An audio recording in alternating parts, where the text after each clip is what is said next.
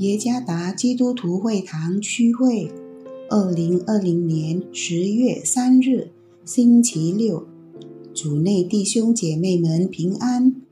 今天的灵修导引，我们借着圣经《帖撒罗尼迦前书》第二章第八节来思想今天的主题：成为基督门徒的生命。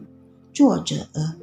以马内利牧师，《帖撒罗尼迦前书》第二章第八节：我们既是这样爱你们，不但愿意将神的福音给你们，连自己的性命也愿意给你们，因你们是我们所疼爱的。通常，每个在某个大学校念书的基督徒学生。都会与他们的基督徒学长见面，以便能一起加入基督徒学生协会。学长收割新学生，这也是上帝已熟的禾场，随时可以为上帝的国度而收割。经常，新生将由他们的学长来进行门徒训练。在《帖撒罗尼迦前书》第二章第八节记载：“我们既是这样爱你们，不但愿意将神的福音给你们，连自己的性命也愿意给你们，因你们是我们所疼爱的。”这节经文给出了门徒训练的基本含义，就是。分享生活，例如保罗对帖撒罗尼迦人的爱是极大的。他不仅来向他们传上帝的道，还与他们分享了他的生活。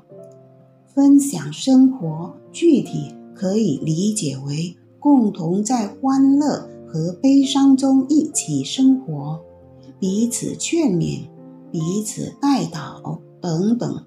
在分享生活中，正如保罗所强调的，爱与常开必须成为主要基础。我们还有哪些能与他人分享的吗？使徒约翰在《约翰一书》第一章第一节到第三节中写道：“他分享了自己所听见、所看见和亲眼看过。”关于基督就是那生命之道，因此在门徒训练中，我们也可以分享透过默想和顺服上帝的道与上帝同住的经验。使徒保罗在罗马书十五章十八节中写道：“除了基督借我做的那些事。”我什么都不敢提，只提他借我言语作为，用神机骑士的能力，并圣灵的能力，使外邦人顺服。